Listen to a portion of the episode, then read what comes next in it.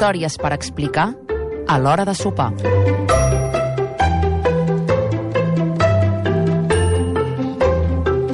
La història d'avui té com a protagonista Mari Sampere, una actriu còmica estimadíssima, una persona immensament popular. Fes el que fes, el públic l'anava a veure a ella, al cine, als teatres del Paral·lel, a les festes major de tot Catalunya o a la televisió. A Mari Sampere la persegueixen algunes llegendes. La primera diu que un dia, durant la dictadura, el locutor Bobby de Glaner li fa una entrevista a la ràdio i li diu que els catalans, en comptes de parlar, borden. La seva resposta a Bobby de Glaner, segons la llegenda que ella desmentirà tota la vida, és sí, i a Catalunya els gossos els hi diem Bobby. La segona llegenda. Mari Sampere neix un mes de setembre en un tren i mor també un mes de setembre en un avió, després que el seu marit hagués mort en un barco. Som el 23 de setembre de 1992. Mari Sampere, amb 79 anys, agafa un avió per anar-se'n a Madrid. Té una reunió aquell dia amb el director Antonio Mercero, que està triomfant a la televisió privada que Espanya tot just acaba d'estrenar. Ho fa amb una sèrie que es diu Farmàcia de Guàrdia. La primera temporada ha sigut un gran èxit i Antonio Mercero vol fitxar Mari Sampere perquè sigui la iaia de la família. Avui, en una reunió a Madrid, han de discutir les condicions del contracte. El vol d'Ibèria 1215 surt de l'aeroport del Prat, aquell 23 de setembre de 1992, a dos quarts d'una del migdia. Al cap de poc d'enlairar-se, Mari Sampere, que viatja sola, li demana un coixí a l'hostessa i es queda a l'acte.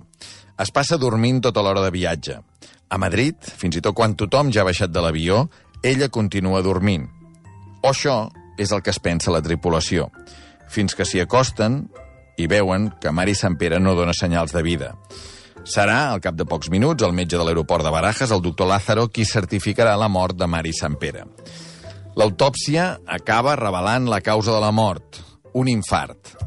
Ha mort la reina del Paral·lel el 23 de setembre de 1992, una actriu que feia riure només cobrís la boca, que feia riure només de veure-la, de jove, us l'heu d'imaginar, feia un metre 76 d'alt. En aquella època la gent no era tan alta. I pesava només 50 quilos de jove. Tenia un cos desmanegat i portava, a més a més, una ortodòncia que en aquell temps tampoc ningú no duia. Un dia va arribar a casa enfonsada perquè pel carrer es veu que algú li havia dit que era tan lletja que li havien hagut de posar morrió. El que haurien de fer és posar-te morrió de tan lletja com ets. El pare, un gran actor, Josep Sampere, li va dir que no patís gens, que ella tenia personalitat i que això era molt més important que la bellesa, perquè la bellesa, Mari, passa i, en canvi, la personalitat es queda. I així va ser, aquesta personalitat i aquesta vida, fins aquell 23 de setembre de 1992 en un avió d'Ibèria. Ara hem de fer un salt en el temps i ens n'anem 5 anys abans. Som el 27 de juliol de 1987 i no som en un avió, sinó en un barco de la companyia transmediterrània. Al Ciutat de Badajoz, concretament, que és el que fa la ruta aquell dia entre Barcelona i Mallorca. Un dels passatgers és el marit de Mari Sampere, Francisco Pigrau Francisco. Francisco de nom i de segon cognom el marit Capicua, que li diu la Mari. Un senyor de capapeus, enginyer de professió. El Ciutat de Badajoz surt del port de Barcelona a les 12 de la nit i al cap d'una hora i mitja dos testimonis avisen que un home ha caigut al mar. Comencen les operacions de rescat amb un bot salvavides, però la mala mar i la foscor de la nit impedeixen recuperar el cos del marit de Mari Sampere. L'endemà, una crònica del país explicarà que Pigrau havia deixat una carta al seu camarot i que els últims temps patia una crisi depressiva. Tenim la mort de Mari Sampere a l'avió i la mort del seu marit al barco. Queda el tren. L'1 de setembre de 1913, és a dir, aquest mes ha fet 108 anys, 108 anys, neix Mari Sampere. És la tercera filla d'una parella d'actors que no paren mai a casa, que sempre són de gira. La filla gran havia nascut 4 anys abans mentre els pares representaven la Santa Espina. El segon, mentre els pares feien una altra obra, Les pastilles Hèrcules. I la Maria, la Mari Sampere, arriba al món quan els seus pares triomfen amb la casta Susana.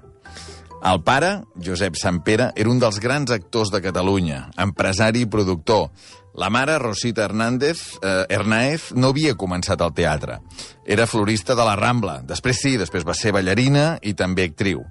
I aquell dia, el dia que va néixer Mari Sampere, l'1 de setembre de 1913, són a Vilanova del Camí interpretant la casta Susana. Mari Sampere, doncs, podia haver nascut a l'escenari, que és on es va passar tota la vida. O podia haver nascut al tren entre Vilanova del Camí i Barcelona i que allò fos el preludi d'una vida anant amunt i avall fent riure al públic. Però sembla que no, que per poc van tenir temps d'arribar a casa i que Maria Sant Pere Hernáez naixés al carrer Tamarit 167 primer segona de Barcelona i que allà comencés una vida, la de Mari Sant Pere, que faria més divertida la vida dels altres. Històries per explicar a l'hora de sopar.